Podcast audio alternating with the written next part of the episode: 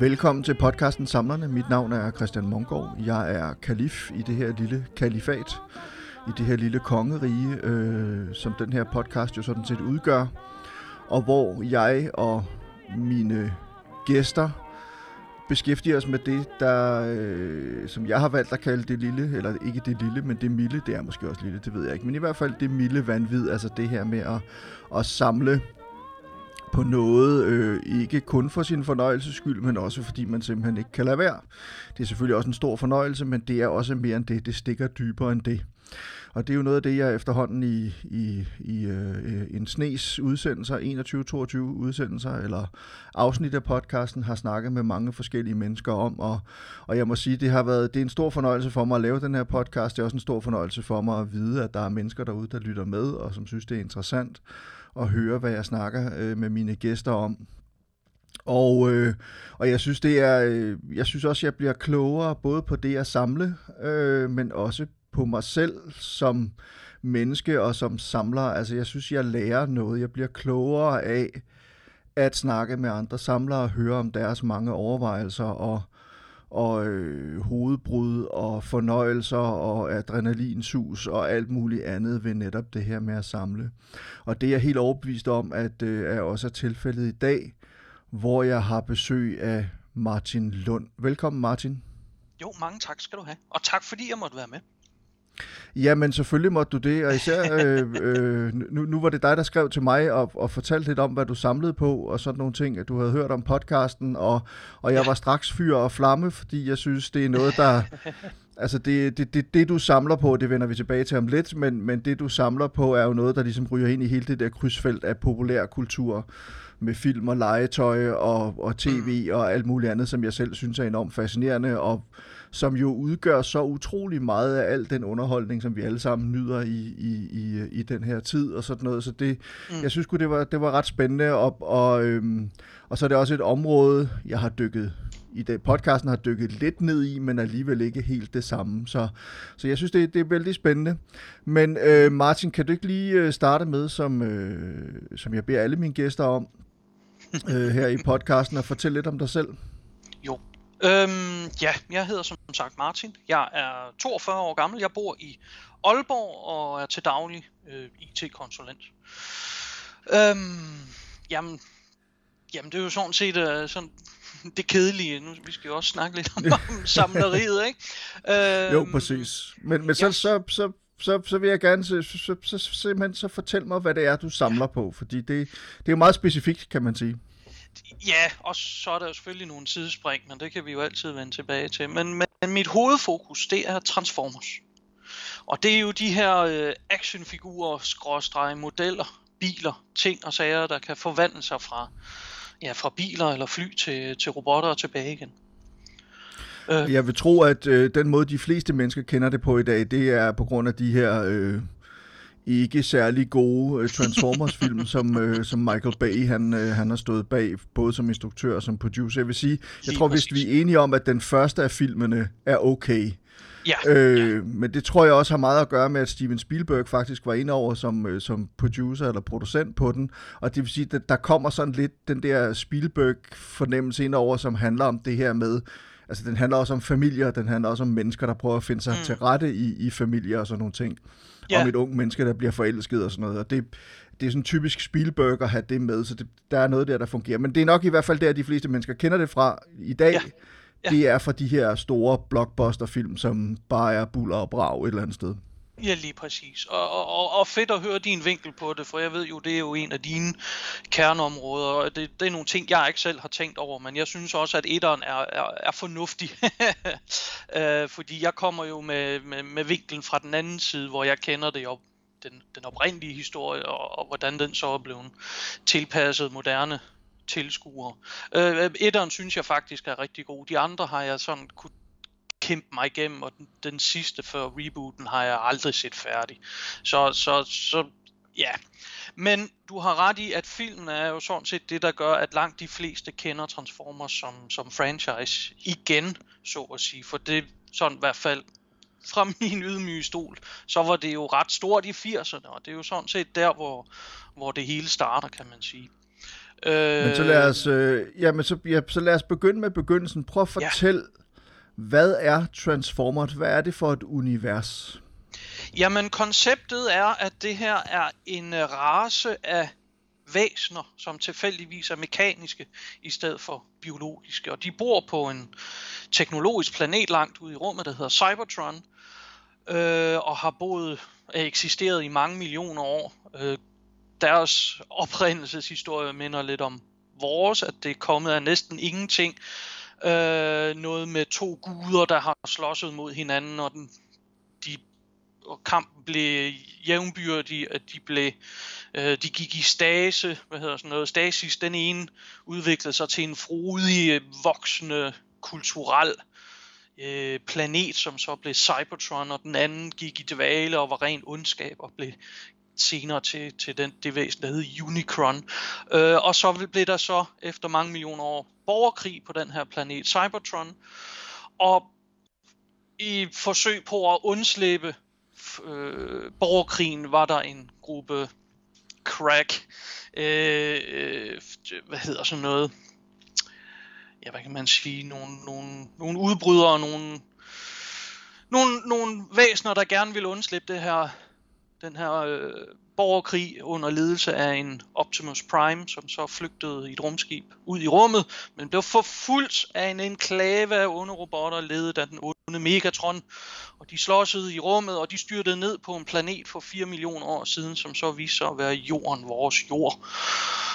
Og efter 4 millioner års dvale, så vågnede de op og fandt ud af, jamen, vi kan ikke rende rundt og være store robotter på en planet, hvor folk er mindre end os, og der er de her mærkelige biologiske ting, vi ikke rigtig kan forholde os til. Så vi tager de teknologiske ting og forholder os til det, og vi skjuler os som hverdagsting fra den her mm. planet. Og ja, det er sådan set fiktionsdelen af, af oprindelsen, meget kort fortalt. Og så skal vi lige, altså, så skal vi jo lige, øh, øh, fordi det er jo sådan hele mytologien og historien bag Transformers. Eller rettere sagt, det er vel den historie og mytologi, man har bygget ind i det her stykke legetøj, som Transformers er, for blandt andet at kunne sælge legetøjet. Altså, at man har bygget en mytologi op omkring det, og det har man gjort med især tegnefilm, ja. øh, der tilbage i, i 80'erne, da det blev opfundet. Prøv at fortælle, hvor kommer Transformers fra? Altså ikke øh, øh, de her robotter eller, eller væsner øh, øh, fra Cybertron, men, men, men konceptet og konceptet, i sig præcis. selv Ja, ja, ja. ja. Jamen, det, åh, se, nu begynder du jo at prikke lidt til mine gener, fordi jeg kan jo hoppe rigtig langt tilbage i tiden. Fordi underligt nok kan vi trække, trække paralleller helt tilbage til Barbie. Øhm, fordi Barbie var jo en, en figur. En figur på cirka, ja, det er længe siden jeg har håndteret en Barbie-dukke, men de her 25-30 cm, som, som børn jo kunne lege med og, og, og, og skifte tøj på og, og, og lave scenarier med, altså legetøjs, eller hvad hedder det, legescenarier. Og det var jo et produkt fra Mattel, og, og primært oprindeligt øh, marked, markedsført over for piger. Hasbro, en, en stor anden amerikansk legetøjsfabrikant, så jo, at jamen, her var måske potentiale for også at lave noget til drengesegmentet, så de fandt på figuren G.I. Joe. Samme størrelse som Barbie, men mere med et militært tema og, ja, og våben og alt det tilbehør, der hører til. Nu skal, det, det her det handler ikke om G.I. Joe, men der er stadigvæk en masse ting, der lapper over efterhånden, som jeg Jamen, helt sikkert. Øh, mm. G.I. Joe blev så solgt til Japan på licens til en virksomhed, der hed Takara eller hedder Takara. Og Takara, de øh, forsøgte jo så at lancere det her i, øh, i Japan og over i Asien, og, og det, det gjorde ikke så godt, for, eller det gik ikke så godt, for det var jo egentlig et sådan meget amerikansk tema, og meget krigstema, og det, det passede ikke lige i, i, hvad skal man sige, i den zeitgeist, der var på det tidspunkt i Japan. Så, så Takara fik den idé, jamen hvad hvis vi laver den gennemsigtig, den her figur? Hvad hvis vi propper nogle fine metal stumper indeni, så der faktisk er noget at kigge på. Så de fik twistet den her G.I. Joe-figur til at blive en, en cyborg. Og øh, de lancerede så serien Henshin Cyborg. Jeg er på ingen måde god til japansk, så jeg gør mit bedste her. Men Henshin, det betyder øh, forvandelbar eller øh, foranderlig. Og man kunne vidderligt tage armene af den her cyborg og sætte nogle store voldsomme kanoner på, eller andre stumper. Øh, man kunne vist endda sætte, øh, hvad hedder det, lavfødder på, som, som sko i stedet for. Altså lidt mere science mm. fiction element i det. Øhm, og så kommer, ja, det, det var faktisk en rigtig god succes for, for, for Takara. Øh, så kommer vi til starten af 70'erne, hvor der er oliekrise på verdensplan, og det betyder også, at, at man skal til at genoverveje, hvordan man bruger de her olieressourcer. Så Takara fik så den her idé, at jamen, vi tager vores, vores Henshin Cyborg og skal lære ned til 10 cm størrelse. Og det her med de 10 cm, det bliver faktisk en, en lidt en nøgle også fremad, fordi øh, den her figur, eller den serie, de så fandt på, kaldte de for Microman. Og sådan, hvad jeg lige kan tuske mig frem til, så er Microman sådan set prototypen på den actionfigur, vi kender i dag, i den størrelse, altså figurer som senere G.I. Joe igen, øh, Star Wars, øh, ja, hvad har vi egentlig i den størrelse? Der er også A-Team, der er Black Star, altså der er en hel masse som producenter, som læner sig op af det her størrelsesforhold. Mm. Nå, Microman klarer sig også rigtig, rigtig godt og eksisterer faktisk fra cirka 1974 til 1984, som jo er lang tid i en, øh, i en meget foranderlig branche, som er legetøj. Ja. Øhm, op igennem 70'erne, midt 70'erne, sidst 70'erne, var der begyndt vi snakker stadigvæk Japan, de her, de her figurer gør sig ikke så godt ude i resten af verden. Øh, hvad hedder de, um, Mego i USA forsøger at lancere Microman som Micronauts, så der er måske også en del, der genkender det navn.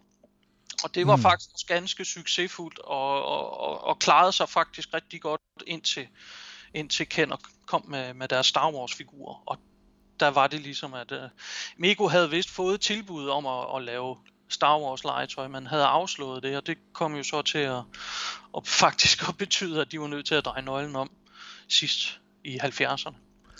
Det var, Nå. ikke, øh, det, det var ligesom uh, alle de der forlag, der sagde nej tak til Harry Potter-bøgerne, ikke? Altså, det er sådan noget det der, hvor man må, må gå og sparke sig lidt selv bagefter. Lige præcis. Jo, og, og det er jo, hvad det er, for man kan jo, man kan jo ikke forudse, hvad det er før at det ligesom rammer. Fordi de har jo nok gjort de her op- overvejelser i 1976, altså året før filmen overhovedet kom, den første. Så, så ja. det er jo svært at, at spå om sådan noget, og man kan jo sige, det var jo en øh, stor fordel for kender, de to turde tage den chance. Øhm, jo, Microman gik rigtig godt for, øh, for, for Takara, og, og de kunne se, at deres konkurrenter også forsøgte at lave noget med, med actionfigurer i den størrelse. Men en anden ting, som var begyndt at blive rigtig stort der sidst i 70'erne, det var kæmpe robotter. Og nu snakker vi sådan Godzilla-størrelse robotter.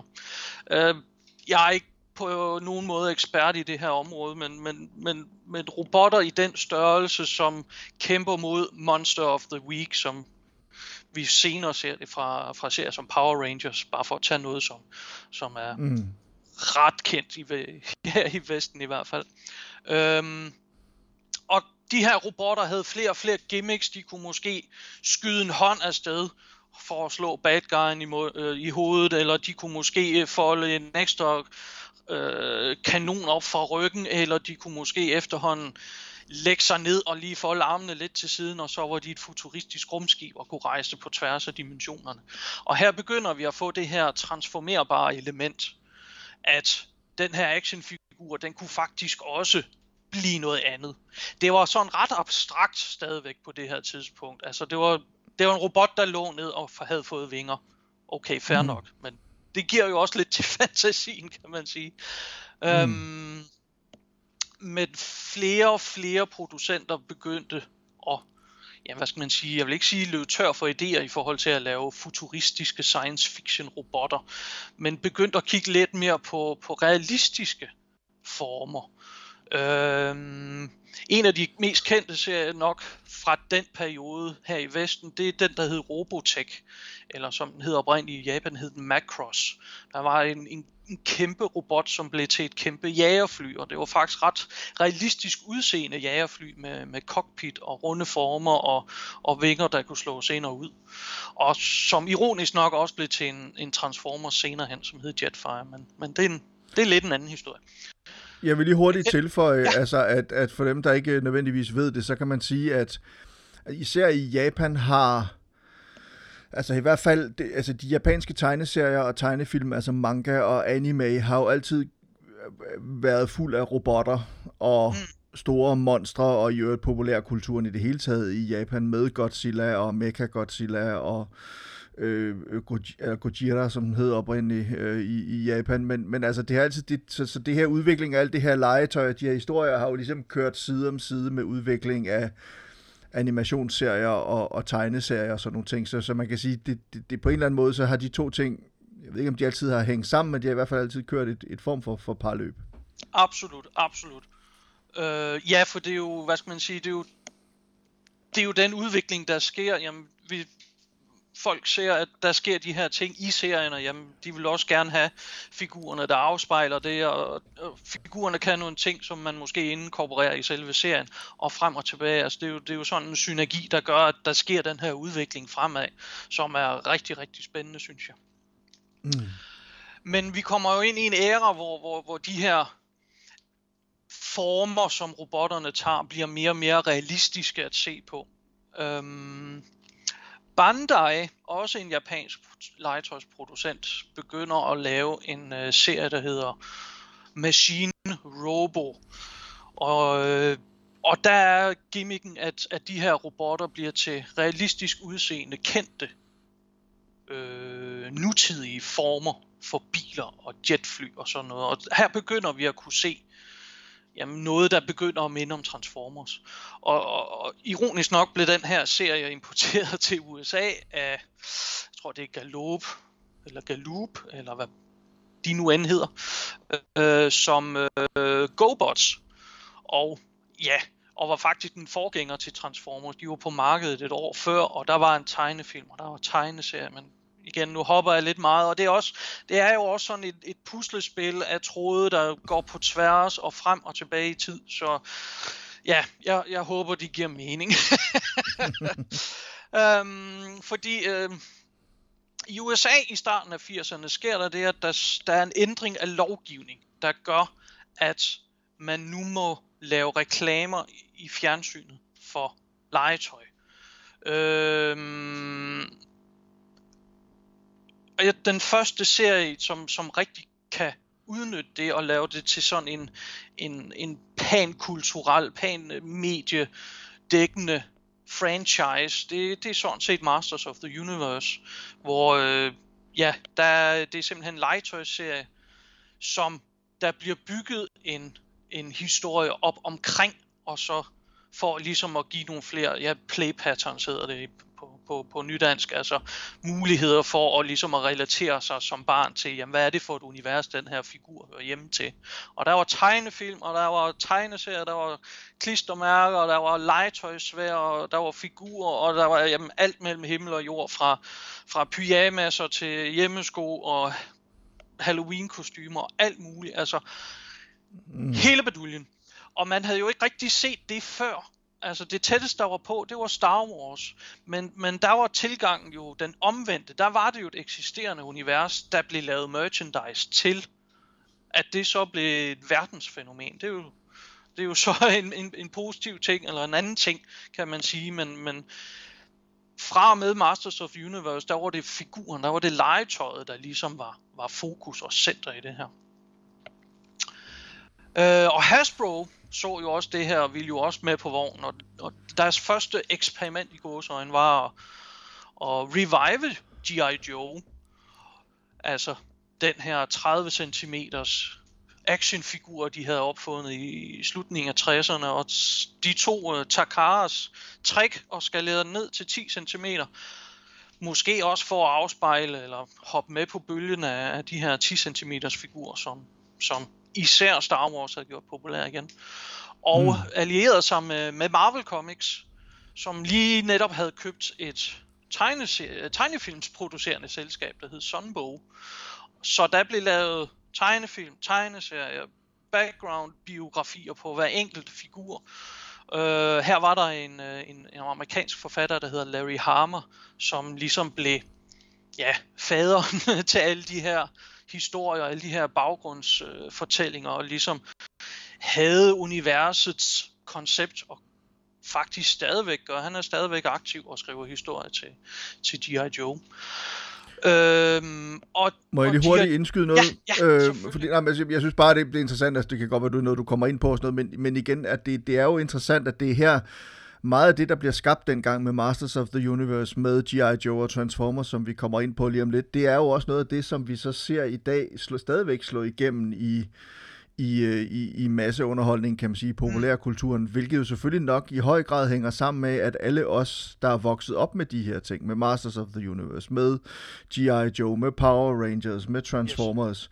som er vokset op i 70'erne og 80'erne med de her ting, og har dyrket det som børn. Nu er det os, der sidder og producerer, altså Ja. og skriver om det og producerer det. Altså det er også derfor, superhelten er blevet så store i dag. Altså nørderne har, har erobret verden, og nu skal vi nu viser vi, øh, nu viser vi alle andre alt det der, som vi selv har holdt af øh, i, i så mange år, og, og, og altså, det er vores kulturelle kapital, kan man sige, og det er så ligesom også ja. det, vi om ikke tvinger ned over hovedet på verden, men så i hvert fald udsætter verden for i form af, af superheltefilm, og nu kommer der snart en ny, øh, hvad hedder det, Masters of the Universe animeret serie på Netflix, og der har været Ja. masser af Transformers-film og det ene og det andet. Det er bare meget interessant at se på, hvordan hele det der grundlag for meget, for mig af den populærkultur, og og hele den der synergi imellem legetøj, øhm, tegneserier, tegnefilm, og så også spillefilm, at den bliver ligesom skabt der i, i 70'erne og 80'erne, øhm, og, og, og, lø, og får jo også eget liv, altså løsriver sig fra udgangspunktet, kan man sige. Altså G.I. Joe begynder som et stykke legetøj, nu bliver det pludselig også tegneserier, som får, får sit helt eget liv, og det, det samme sker jo med stort set alle de andre øh, ting, du snakker om også. Jamen, det er jo det. Og, og, og det pussy er jo så også, at det er jo, stad, det er jo properties, vi stadigvæk kender og bruger i dag. Altså, det er jo... Det er jo jeg tror, de fleste ved, hvad, hvem G.I. Joe er stadigvæk, hvem He-Man er stadigvæk, hvem Optimus Prime er stadigvæk. Altså, der er jo også en masse, jeg vil ikke sige genbrug, men, men der er, det, det er svært at, at sige nogle nye store properties, der er kommet ind inden for de sidste 10 år. Måske netop fordi, at det er fansene, der efterhånden sidder i de her nøglepositioner hos, øh, hos de forskellige øh, licensindehavere, eller måske Hasbro selv, og, og, og er med til at drive de her brands fremad stadigvæk med indhold i hvert fald. Men, men jeg synes, det er pudsigt, at, at jamen, det er G.I. Joe-film, det, det er Transformers-film, det er Masters of the Universe-tegnefilm, og Transformers tegnefilm. Altså det, det synes jeg er lidt pudsigt, at det stadigvæk er de ting, som, som resonerer nu om dagen. Mm. Men, men jeg tror også, altså ja, ja, det har du fuldstændig ret i, at det er lidt sjovt, og man kan sige, at det er måske også lidt fantasiforladt, hvis man nu skal være rigtig Det er jo så den anden ikke? side af, af mønten, ja lige præcis.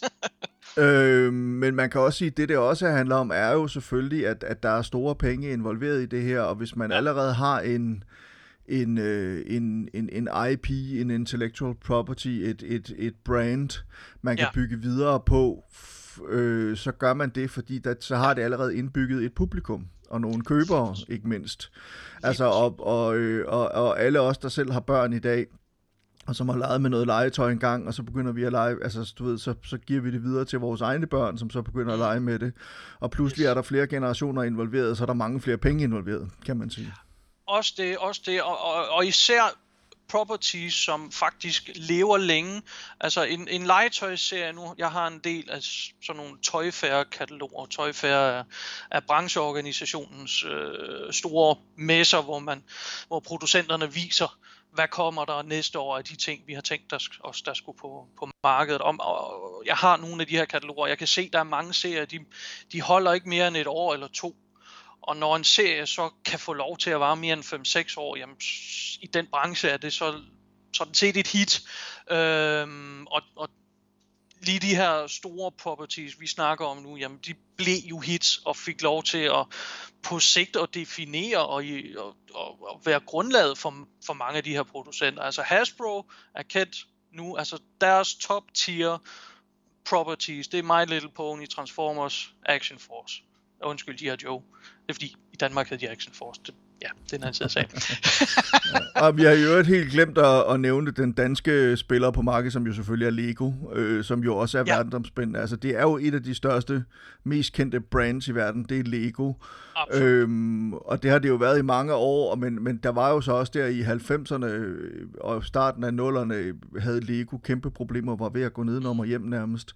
Men så ja. genopfandt man sig selv blandt andet med, med Mindstorms Lego, men også med alle de her øh, aftaler, de lavede med Star Wars og med Harry Potter og med øh, altså øh, Indiana Jones og jeg ved ikke hvad, altså at de pludselig begyndte at lave Lego, som forholdt sig til, til, øh, til nogle af de her utrolig populære film, som også blev lavet. Lord of the Rings, øh, Batman og jeg ved ikke hvad. Det er jo ret Ja. ja. vildt, hvad der er kommet af Lego i den, og det, det er jo noget af det, der har, været- i høj grad har været med til at redde øh, firmaet. Ja, og, og, og også som, som du var inde på lidt før, jamen, der er jo også kommet en ny generation af, af, af købere. Altså den, det voksne segment har de jo også fået rigtig, rigtig godt fat i nu. Med, med, med udgivelser kun tiltænkt i hvert fald voksne. Øh, og, og vi er jo sådan set den, den mere købedygtige, det mere købedygtige segment i forhold til, til børn, og det, det har jo også hjulpet Lego rigtig, rigtig meget. Jeg har da også et par store sæt stående ja. Rundt omkring her i, i, i lejligheden. Øhm, Nå, tilbage på Ja. sporet. ja, undskyld. det gør ikke noget, det er mig, der er med til at afspore det. Så, øh, Nej, men det er fint, fordi... Øh, øh, og det er jo det, jeg også synes, der er spændende ved at snakke med, med, med andre samlere, at, at der er jo nogle ting, som, som går ind og lapper ind over, og, og du har en viden, der måske uddyber noget, jeg ikke ved ret meget om, og omvendt, og det, det er sådan noget, jeg synes, der er rigtig, rigtig spændende, og det, det vil jeg da også komme lidt ind på senere, håber jeg, jeg kan nå. Øhm, jo, Action Force blev et kæmpe hit for, for, for Hasbro, og, og den, i sin første inkarnation med den nye 10 cm figur, kørte den vist en, en 10-12 år, og som nævnt før, jamen alt over 4-5 år, det er jo en kæmpe succes. Så, øh, så Hasbro var jo på udkig efter den næste store hit, og, og en af dem var My Little Pony. Øh, jeg ved ikke så meget om, om oprindelsen på My Little Pony, men det bliver altså også en af de helt store sælgere for, for, for Hasbro. Og så kom så Transformers. Øhm, nogle repræsentanter var i Japan til deres version af Toy Fair og så nogle af de her realistisk udseende robotter. Og øh, Takara havde i 1980 gjort det, jamen hvad sker der egentlig, hvis vi tager vores Microman og dimensionerer længere ned? Så vi får en figur på cirka 2 cm. Og den her figur kaldte de så for en Diaclone, eller en Dianaut, eller en Inchman. Altså, der er mange forskellige titler, men, men selve figuren hed Inchman, og rendte rundt i det her univers, der hed Diaclone. Og øh, konceptet var her, at øh, de kæmpede imod, altså det var, det var mennesker, øh, altså figurerne var ikke en til en, det var en repræsentant for, for et menneske, og de kæmpede mod øh, onde rumvæsener, som kom og ville erobre jorden. Men for at komme rundt og for at skjule sig, jamen så havde de, havde de øh, hvad hedder det, fartøjer, som kunne forvandle sig fra almindelige biler til robotter, som de så kunne styre. Og her er humlen, at de her robotter var så ikke selvtænkende, det var exosuits, eller mm. ja, hvad man nu skal sige, kamparmor. Øh, og på et tidspunkt begyndte de så at lave biler på licens. Det vil sige, det var Lamborghini, og det var Porsche, det var... Åh, oh, jeg er ikke så god til bilmærker, men Ferrari, og hvad har vi ellers? Og, og, og var faktisk en stor succes for Takara, og det var de her figurer, som Hasbro så så, og tænkte, det her kan vi gøre noget ud af. Så, øh, så de tog formlen fra, fra G.I. Joe, og faktisk også fra My Little Pony, og sagde til øh, øh, Marvel Comics, vi vil gerne bygge noget op omkring det her, og lave et helt univers. Og øh, resultatet blev jo så det, der blev Transformers. Man valgte at smide de her små Inchman-figurer ud af, af, af universet, og så tage selve de her biler og give dem øh, tanker og følelser, altså gøre dem sentiente.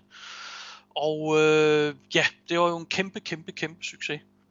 Fordi der var tegnefilm, der var underbukser, der var øh, hoodies, der var strømper, der var klistermærker, altså the whole nine yards. Og faktisk, det første år, 1984, de var ude, der var det sjovt nok stadigvæk, øh, hvad hedder det, GoBots, der var den mest sælgende forvandelbare robotfigur. Men året efter var de faldet af, fordi at den baggrundshistorie, som Marvel Comics var fundet, havde, havde opfundet, altså de her meget unikke karakterer med meget unikke quirks og personlighedstræk, havde vundet over de her GoBots, som Hanna-Barbera havde fået til opgave at lave et univers til. Altså kvaliteten var, var bare bedre på, på baggrundshistorien. Øhm, og det, det, der kan man sige, at, at det er jo nok også, altså fordelen er jo så, at de, formentlig, at de har valgt Marvel Comics, altså, som jo er vant til at fortælle historier. De har haft nogle gode historiefortællere, som ja. er vant til også at, at tage, tage publikummet, at tage læserne alvorligt, kan man sige, selv når det er det mest fantastiske indhold, man, der er tale om. Ikke? Absolut, absolut. Man, altså, Hanna-Barbera er måske nok har nok mest været til et lidt yngre segment, hvis det endelig skulle være. Altså lidt mere, jeg vil ikke sige useriøs, fordi det er jo stadigvæk, jeg, jeg er stor fan af Hanna-Barbera film. Øh, men, men, men det har været sådan lidt mere på det fjollede niveau, hvorimod Marvel Comics, som du selv siger, har kunne formå at tage deres materiale lidt mere seriøst, og selvom det har været tiltænkt som, som, ja, som børne, tegnefilm til børn lørdag morgen, Øh, og med de restriktioner, der så har, har været, jeg har et manuskript, hvor der for eksempel står, endelig ikke snak om atomkraft og, og sådan nogle ting. Okay, jamen, så lader vi være med det. Øh, men, men, men, men det sjove er, at de tager jo elementet, det menneskelige element, de her små figurer, og smider ud og tager og beholder selve robotten som, som, som, som kernen i historien. Og, og, og pussy sidebemærkning er, jamen det gør, at man faktisk i de helt tidlige figurer kan finde et rum, hvor der er plads til en lille figur. Fordi det kunne fysisk sidde der i. Og det var sådan en af de ting, jeg synes var rigtig spændende at opdage, da jeg så endelig fandt ud af, hvad de her små rum var til, og hvorfor der kunne, der kunne faktisk sidde en chauffør i den her bil. Hvorfor er der ikke det? ja. Ja. Øhm, så det var så historien om Transformers, hvordan de blev til. Og, ja. og, øhm, og så ved jeg ikke, om vi skal prøve at, at for, lige fortælle din personlige historie så i forhold til at samle på Transformers, men måske også i det hele taget det der med at blive samler. Fordi en ting er, hvordan man samler, når man er barn og ikke er særlig mm. bevidst omkring det, og i øvrigt samler i alle mulige mærkelige retninger som regel. Ikke? Oh yes. Oh en yes. anden ting er, hvordan man samler som voksen, hvor man pludselig er bevidst omkring det, øh, blevet bevidst omkring det og har penge, men, men også begynder at organisere og, og lave lister og alt muligt andet. Men mm. prøv at fortælle mig, kan du huske dit første møde med Transformers? Ja, sådan, sådan svageligt. Altså nu, det er jo et par dage siden, så, så min hukommelse er desværre ikke, hvad den har været. Øhm, men jeg synes og mene og kan huske, at jeg har stået i en Fedder BR og kigget på den her væg af robotter. Og tænkt, hold da op, det her, det er, det er vildt. Robotter, der kan blive til noget andet. Øh, jeg, jeg, jeg havde masser af Lego og byggede altid ting og, og kunne lide elementet i, at jamen, nu er jeg færdig med den her bil, så laver det til en flyvemaskine, eller jeg laver det til en båd. Altså det her med, at der var noget foranderligt, det synes jeg altid har været spændende. Og, og, og når jeg nu kunne se det her i de her figurer, der faktisk var færdigkonfigureret til at være en bil, men også kunne være en sej robot, der kunne skyde og flyve rundt, og altså min hjerne gik helt amok med potentielle lejescenarier. Så, øh, så jeg fik øh, allernådigst overtaget min mor til, at jeg kunne købe en, en, en lille figur, en lille luftpudebåd, som hed Sea Spray. Og jeg har den heldigvis endnu, hvilket jeg faktisk er meget glad for. øh, jo jo, men det er jo også lidt af det, fordi hvis, hvis på et tidspunkt satte jeg mig for, at jeg skal have opdateret alle mine slidte figurer, og ja, der røg jo altså nogle af dem, jeg selv havde som barn, og jeg har fortrudt det en lille smule, men den her, den, den holdt jeg heldigvis fast i. Men den var jo på eventyr over det hele, og fløj rundt ned ved farmor, og var med ude i skoven, altså, der blev altså leget godt og grundigt med den her lille figur. Men jeg vidste ikke noget om den. Jeg vidste, det var en Transformers. Men jeg havde ikke noget sådan, jeg havde ikke nogen baggrundshistorie. Jeg vidste ikke, jeg vidste faktisk ikke, hvad den hed rigtigt. Det tog et par år, før jeg ligesom fandt en kilde til at se, okay, den hedder Sea Spray, den her. Og jeg vidste ikke, hvad funktionen var. Jeg vidste ikke, at, jeg vidste ikke, at den havde en personlighed. Jeg havde ikke opdaget tegnefilm eller tegneserier eller noget andet af de her medier endnu. Så det var egentlig bare et stykke legetøj. Jeg fik så en figur senere, øh, et, et års tid senere også, øh, i samme serie, som var større. Der var en lille mand med, lidt større end den her Dianord, som jeg talte om før, men det vidste jeg så selvfølgelig ikke på det her tidspunkt. Øhm, og en enkelt mere histerpis, så det var ikke rigtig sådan en samling på den måde. Jamen, jeg synes, det var, jeg synes, det var fantastisk med de her figurer, der kunne forvandle sig og, og, og, og, og være forskellige ting. Og så var der en, en klassekammerat, der en dag sagde, Hov, har du set, der er Transformers i fjernsynet? Og jeg var bare helt, hvad? Hvad? Hvor? Vis mig. Jeg skal se det. og det er jo også en af de ting, jeg, som jeg senere har fundet ud af, har, har, har gjort rigtig meget for, for alle de her brands, der var i 80'erne, at, at vi pludselig herhjemme kunne begynde at få satellit-tv. Sky Channel, Super Channel, og de viste jo hver weekend, der var der fra 8 morgen til 12 meter cirka. Alle de store properties. Der var He-Man, der var Mask, der var G.I. Joe, der var Transformers, der var My Little Pony, der var Black Star, der var Robotech. Altså alle de her ja, glorificerede reklamer kan man jo faktisk godt kalde dem. Men der var jo underholdning i, trods alt. Og jeg havde, var hjemme og besøgte en kammerat, som havde allernådigst optaget et afsnit fra Super Channel til mig, og jeg så det her, og jeg var fuldstændig opslugt. Her kunne jeg jo se mine figurer. De var i live i gåseøjne, og de havde tanker, de havde handlinger, der, deres transformation, det at de blev biler, det, det brugte de aktivt. Jamen, det var for at skjule sig, men også for at komme hurtigt afsted, og de blev til fly for at flyve til andre planeter. Altså, der kom pludselig et helt univers op omkring. Og der synes jeg, det begyndte at blive spændende, og der begyndte jeg lige så stille at, at tage mine lommepenge og dreje lidt mere over mod Transformers end, end, end Lego, end, som det havde været hidtil. Men det vil også, øh, det vil jo ikke også det, der er det pisse smarte ved den måde, man lancerede legetøj på dengang. Yes. Man gør det jo stadigvæk også i dag, altså man bygger historier op omkring det, og hvis man, hvis man så ovenikøbet kan bygge et univers op, som rent faktisk også sådan rent historiemæssigt holder, altså mm. hvor mhm. man kan blive ved med at fortælle nye historier om det her, som for eksempel Masters of the Universe, eller Transformers, øh, jamen så lige pludselig, så, så bliver det jo også meget mere interessant, altså udover at man kan øh, øh, sidde og følge med i, hvordan det går med ens yndlingsfigurer øh, og sådan nogle ting, så kan man jo også selv lege med, mens man ser, sidder og ser de her ting. Lige præcis. En lille, personlig, øh, en lille personlig ting i forhold til det. Altså, jeg kan også godt huske Transformers fra min barndom. Jeg tror aldrig, jeg havde selv havde nogen figurer. Nej. Øh, og jeg kan ikke rigtig huske hvorfor, men jeg kan huske, at jeg legede med nogen øh, hjemme hos nogle venner, og jeg kunne simpelthen aldrig finde ud af at få dem hverken lavet om til, til robotterne, eller, og så bagefter lave dem om til de der fartøjer eller flyvemaskiner, mm. eller hvad fanden de nu var bagefter. Altså, det, det var mig simpelthen en, øh, en gåde, hvordan det lort det fungerede. og det er måske også i virkeligheden en af grundene til, at det aldrig sådan for alvor fik fat i mig. Jeg var simpelthen ikke begavet nok til at, at, at finde ud af det der. Nej, det er, jo, det er jo øhm, også øh, lidt det. Altså, det vi er jo en æra, hvor Rubiks kuben stadigvæk er noget af det mest hotte. Altså, den her lille den her lille brain teaser ting, og det havde jeg også i baghovedet, da jeg opdagede Transformers og syntes, det var helt vildt fedt. Og mine forældre, jeg vidste, at mine forældre, de kunne ikke finde ud af det. Far, prøv lige at lave den her om. Ah, uh, haha, du kan ikke.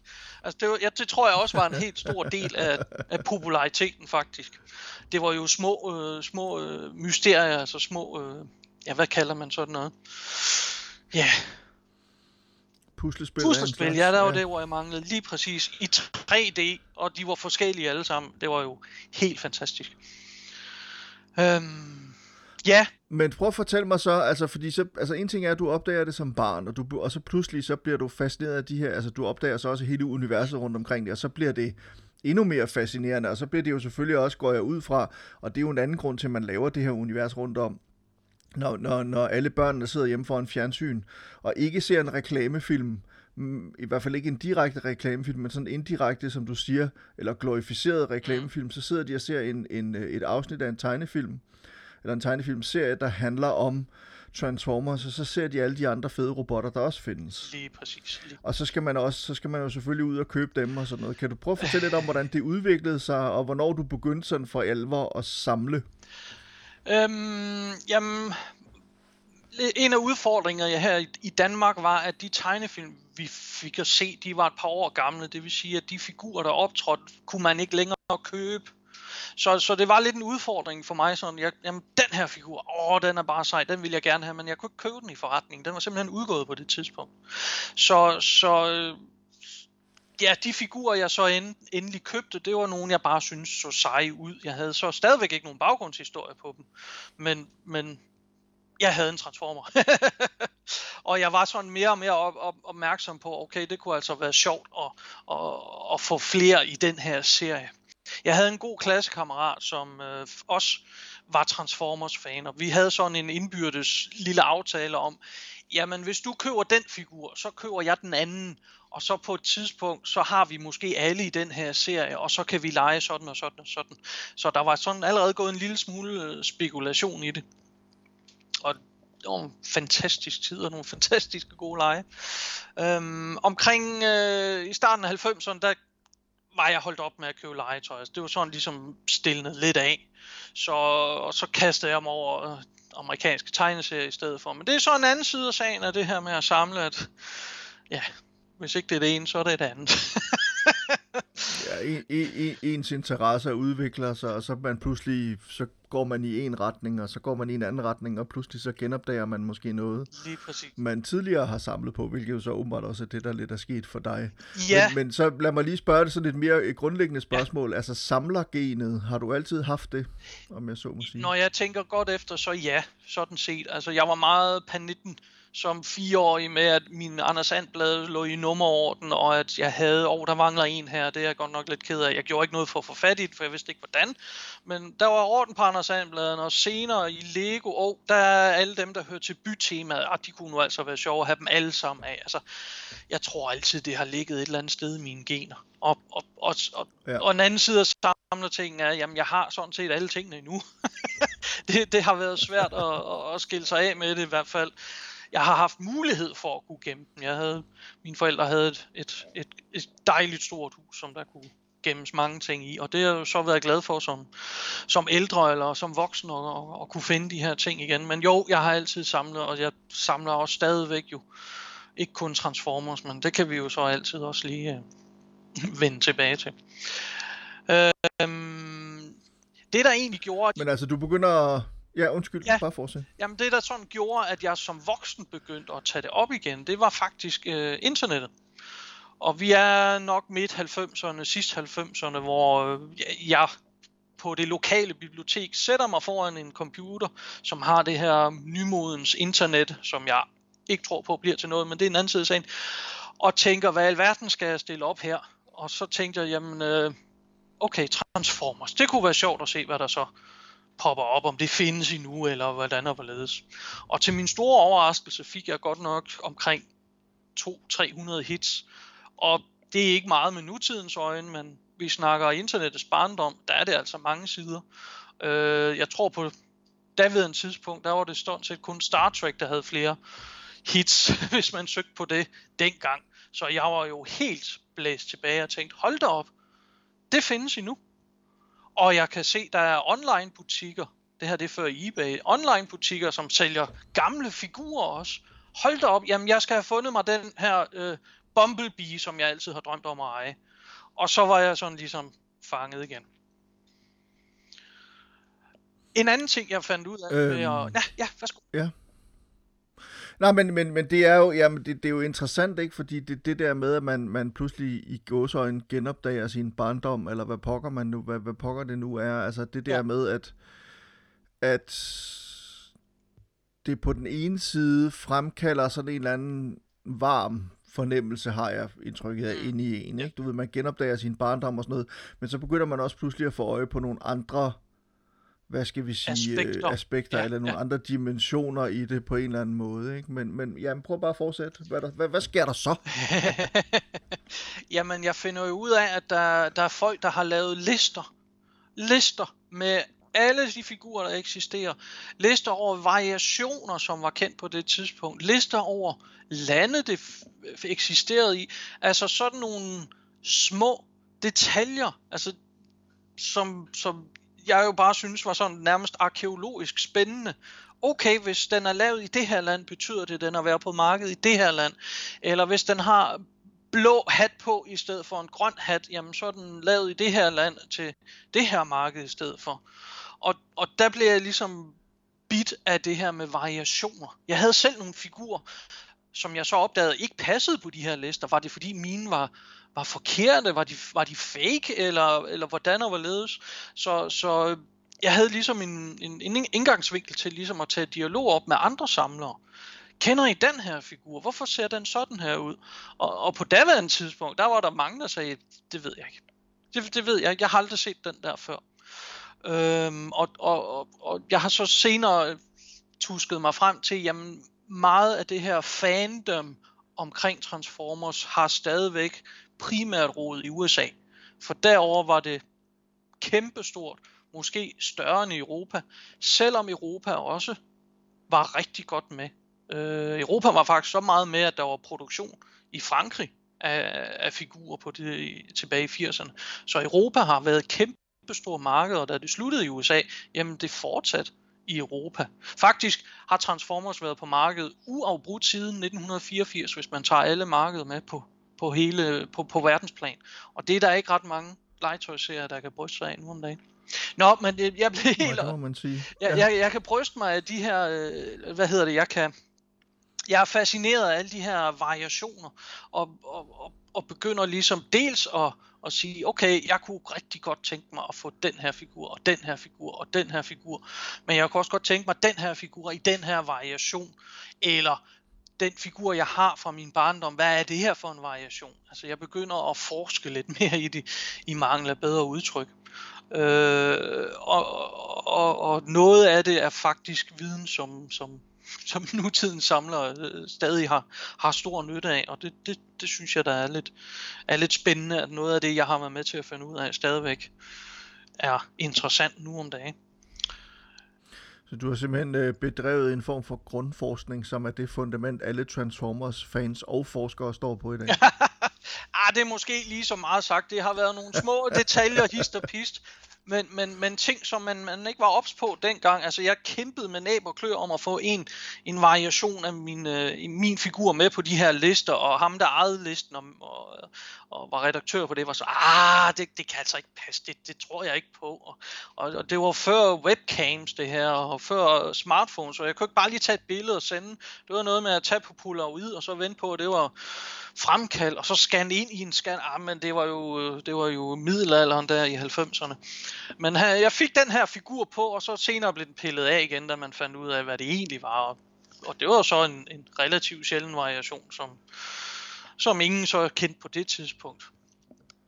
Nå, øhm, ja, Så, så det var en variation. det var en variation, som, som, som så i dag er, er relativt eftertragtet. Så, så det var jo Okay. spændende. Rigtig spændende. Ja, bestemt. Prøv lige at fortælle mig, hvordan, øh, altså på det tidspunkt, det, det, du, altså det er jo så, som du selv siger, det er i internettets tidlige år, og, og men, men, men der er steder, hvor man online kan købe ting og bestille ting og det ene og det andet. Men hvad gør du ellers? Altså begynder du så også på det tidspunkt at gå i, øh, hvad skal vi sige, altså øh, til marskandisere, øh, Mm. som vel stadig fandtes på det tidspunkt, eller går du på loppemarkeder, og øh, den køber du den blå avis, øh, som jo på det tidspunkt ikke er online, men, men kun findes i sin trygte udgave. Yes. Øh, altså, hvad, hvad, hvordan samler du? Jamen, øhm, primært så er det de her amerikanske online butikker. Og, og ja, det var sådan set det eneste, man rigtig kunne. Til gengæld havde de jo så figurer fra de forgangne 15 år. I hvert fald dem, de selv troede var rigtige figurer. Ja. Øhm, så det var jo noget med at gå på posthus og bede om en, en hvad pokker var det, det hed, en post... Man kunne bestille sådan en... Postanvisning? Hvad siger du? Nå, et øh, postordrekatalog, eller? Nej, en postanvisning. Postanvisning. Det var, postanvisning. det var jo Yes, før yes. PayPal og international bankoverførsler og sådan noget. Så man udfyldte noget, der minder om girokort, sendte afsted, Og så håbede man på det bedste, fordi jeg vidste jo ikke, hvad, hvad modtager egentlig var. Jeg har aldrig snakket med vedkommende, det var jo ren online.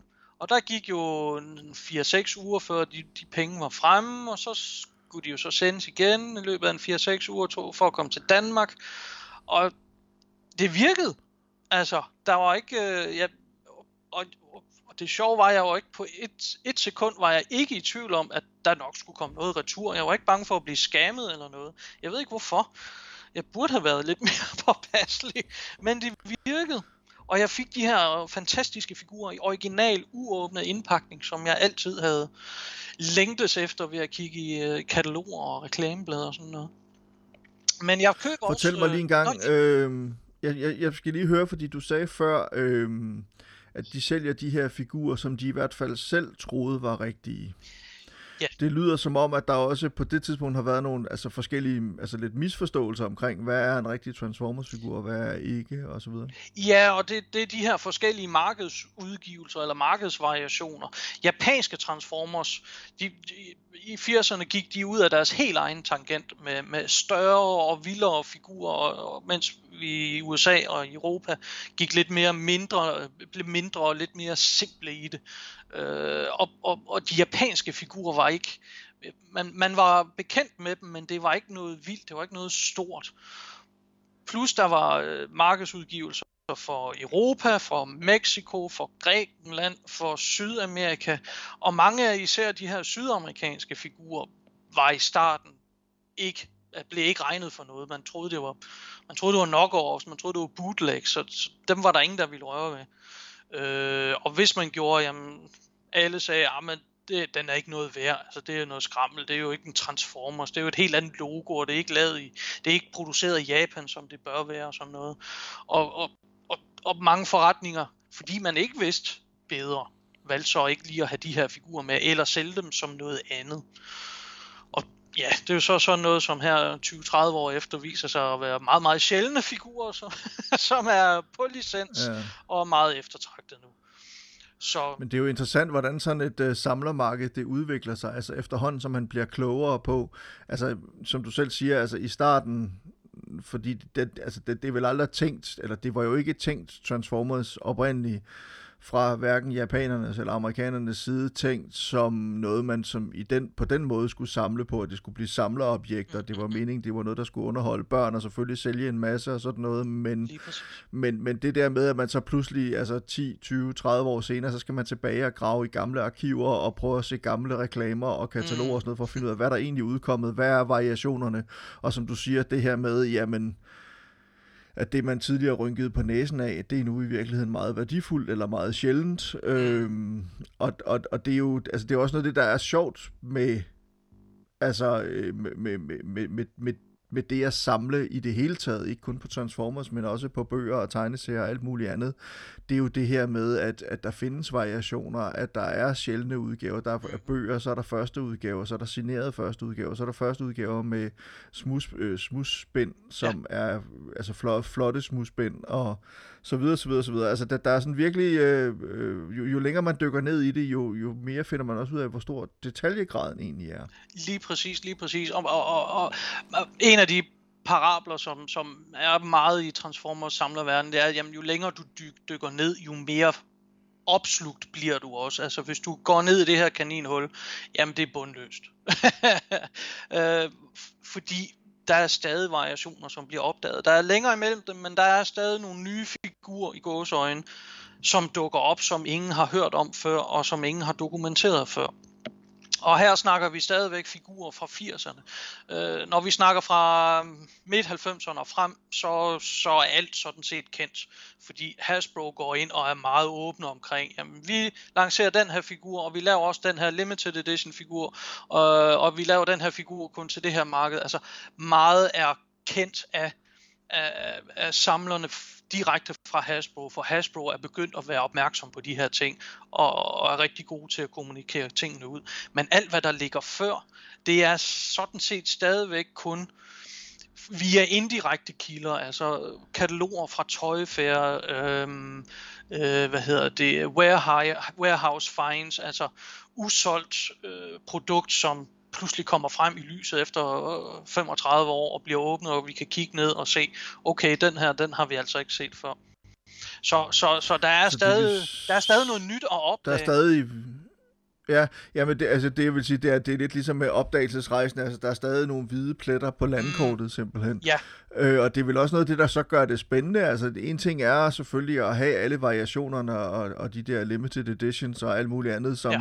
som Hasbro har lavet, og, og, øh, og så kan man samle dem, der kom i Danmark, eller dem, der kom i Europa, og dem, der kom i Sydamerika, dem, der kom i Japan osv. Ja, ja. Men det, der må alligevel være et eller andet vildt spændende i det der med så også pludselig at opdage, altså næsten hvis man som botaniker opdager en ny sommerfugleart eller et eller andet, altså pludselig så, så finder man noget, som man aldrig har set før, og så tænker man, kan det nu også være rigtigt, og så finder man ud af, at man rent faktisk lidt som du snakkede om til at starte med, øh, eller for, for lidt siden, om, om den der øh, sjældne variation, du selv havde, som ingen rigtig troede på i starten. Ikke? Altså, mm. du, det, det, det, der, der er vel et eller andet, er der ikke et eller andet fascinerende i at beskæftige eller samle, samle på noget, hvor man stadigvæk ikke er helt sikker på, hvor meget der egentlig findes, og hvordan det ser ud? Jo, absolut, absolut. Og, og, og, og noget af det, det mest fantastiske for mig, det er, når jeg så ligesom, jeg vil ikke sige er den, der finder noget nyt, men er med til at opdage et eller andet nyt spændende. Øh, og, og det er sådan noget, der giver mig gejst lige nu til, til at, at fortsætte med at samle og, og fortsætte med at undersøge og finde nye ting. Øh, og jeg, der i 90'erne sætter jeg mig for, at jeg vil have alt, der har noget med Transformers at gøre. Og, og, og i sidste i 90'erne, der er det sådan relativt lade sig gøre bare, alt efter hvordan man tæller er der omkring 400 kendte figurer. Her i 2021 er vi langt over 5.000, så den del har jeg allerede afskrevet. Men jeg har fokuseret Hvor lidt... Hvor mange har du? Og jeg har faktisk ikke tal på det. Jeg var god til det på et tidspunkt, så væltede det lige. Men jeg, et, skud, et, et slag på tasken er nok omkring 2.000 figurer i min aktive samling. Og så har jeg en 800 i dubletter eller bonus eller ekstra materiale, som jeg har med rundt på øh, forskellige legetøjsmesser, og så har jeg en bod og sælger ud af det. Mm, mm. Øhm, så det vil sige, at, at øh, men, men altså, prøv lige at fortælle mig lidt om, om det der samlermiljø, mm. øh, der er omkring Transformers, fordi det lyder også som om, altså det, at du er en del af, fordi du har været i gang i så mange år efterhånden, så er og, og, og har samlet, men også har været med til, som du siger, at opdage og, og været, været en af de, øh, du har været øh, Dr. Livingston, eller hvad hedder det, st- måske nærmere Stanley, ikke? Du ved, som er ude og, ja. og finde de, øh, de, de, de, øh, de spændende steder i verden, som endnu ikke er opdaget. Det lyder som om, du har været med fremme der. Er du sådan en i, i toppen af, jeg ved godt, det er svært at sige sådan noget selv, men altså hvis man nu skulle lave sådan en, en, en top 20 over de, de største Transformers-eksperter og samlere og sådan noget, ligger du deroppe i nærheden? Øh, jeg, jeg, jeg vil jo egentlig gerne. jeg vil jo egentlig gerne. Men der er simpelthen så mange fantastiske samlere over hele verden. Jeg har et, et kæmpe netværk øh, af, af kolleger i gåsøjne. Øh, men, men jeg har da i hvert fald været go-to-guy for, for Hasbro her i Danmark. Øh, jeg er typisk den folk lige skriver til, hov, har du set den her før? Hvad er det egentlig for en? Og så kan jeg lige, nå ja, det er jo så den her fra, fra, fra det og det år og sådan noget. Så, så, så jeg, jeg, jeg er rigtig glad for at ydmyge over, at, at, at folk i hvert fald tænker på mig, når de har en lidt en udfordring med, hvad, hvad de egentlig sidder med. Men jeg er ikke i top 20. Jeg håber, jeg er i top 100 måske, men, men der, er, der er jo... Jeg har, jeg har nogle folk, som altid skriver til mig og spørger, hvad er det her? Jeg har også selv nogle folk, jeg ringer eller skriver til og spørger, hvad er det her? Altså, jeg er nok øh, i, i, i midten af, af det her hierarki. Jeg håber, folk ved, hvem jeg er. Så jeg har, hvad skal man sige, den pondus, når jeg kommer med nogle outrageous claims online. Um, så er der nogen, der lytter, trods alt. Ja, det håber jeg da.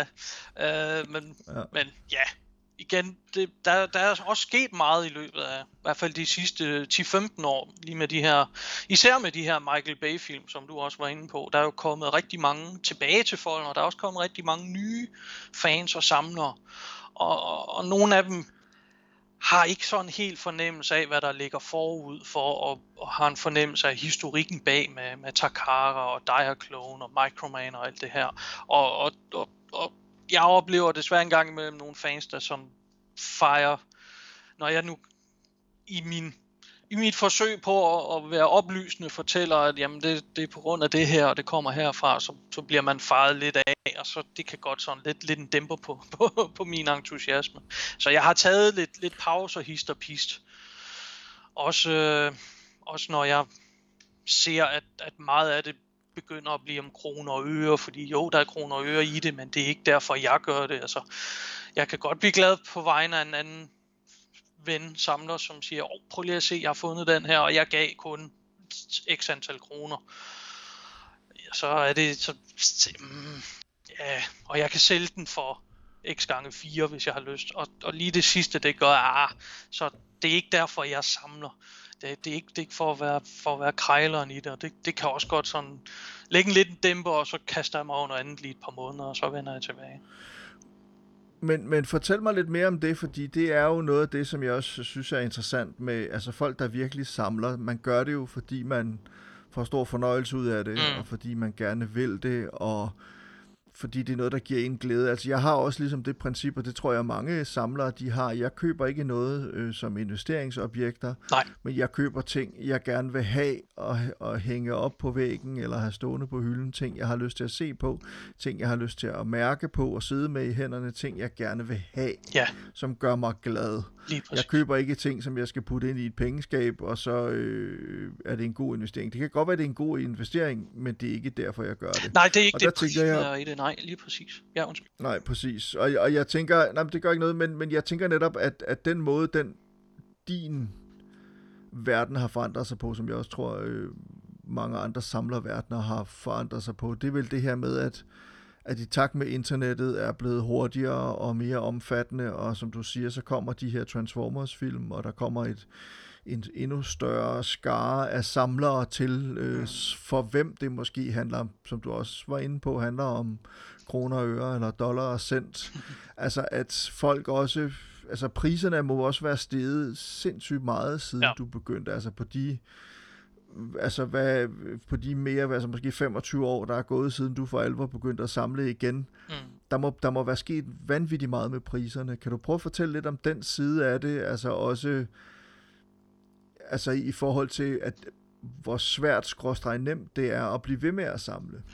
Jamen, der er jo der er sket en kæmpe, kæmpe udvikling i priser. Uh, du kan Især de helt, helt gamle, originale Serie 1-figurer. Hvis du har sådan en i uåbnet, og hvis du har haft den omkring AFA over i USA, Action Figure Authority, og jeg, du kan ikke se det, men jeg laver air quotes omkring Authority.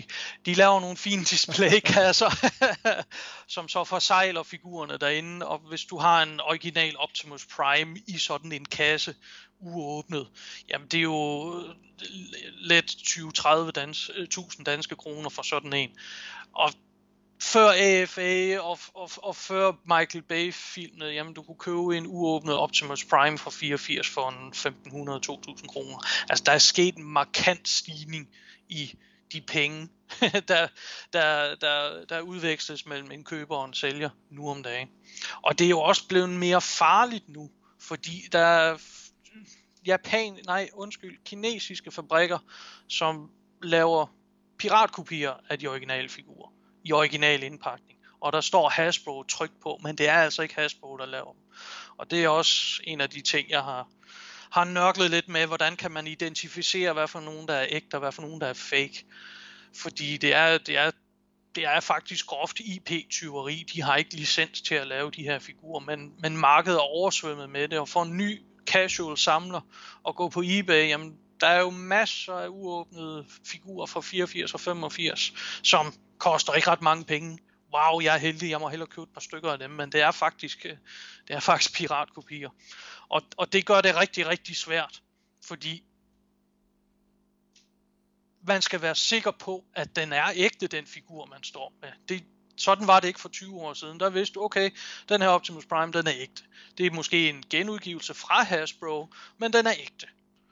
Nu om dagen, du kan ikke være sikker på, hvad du står med i hænderne faktisk, med mindre du kender alle de her detaljer omkring det.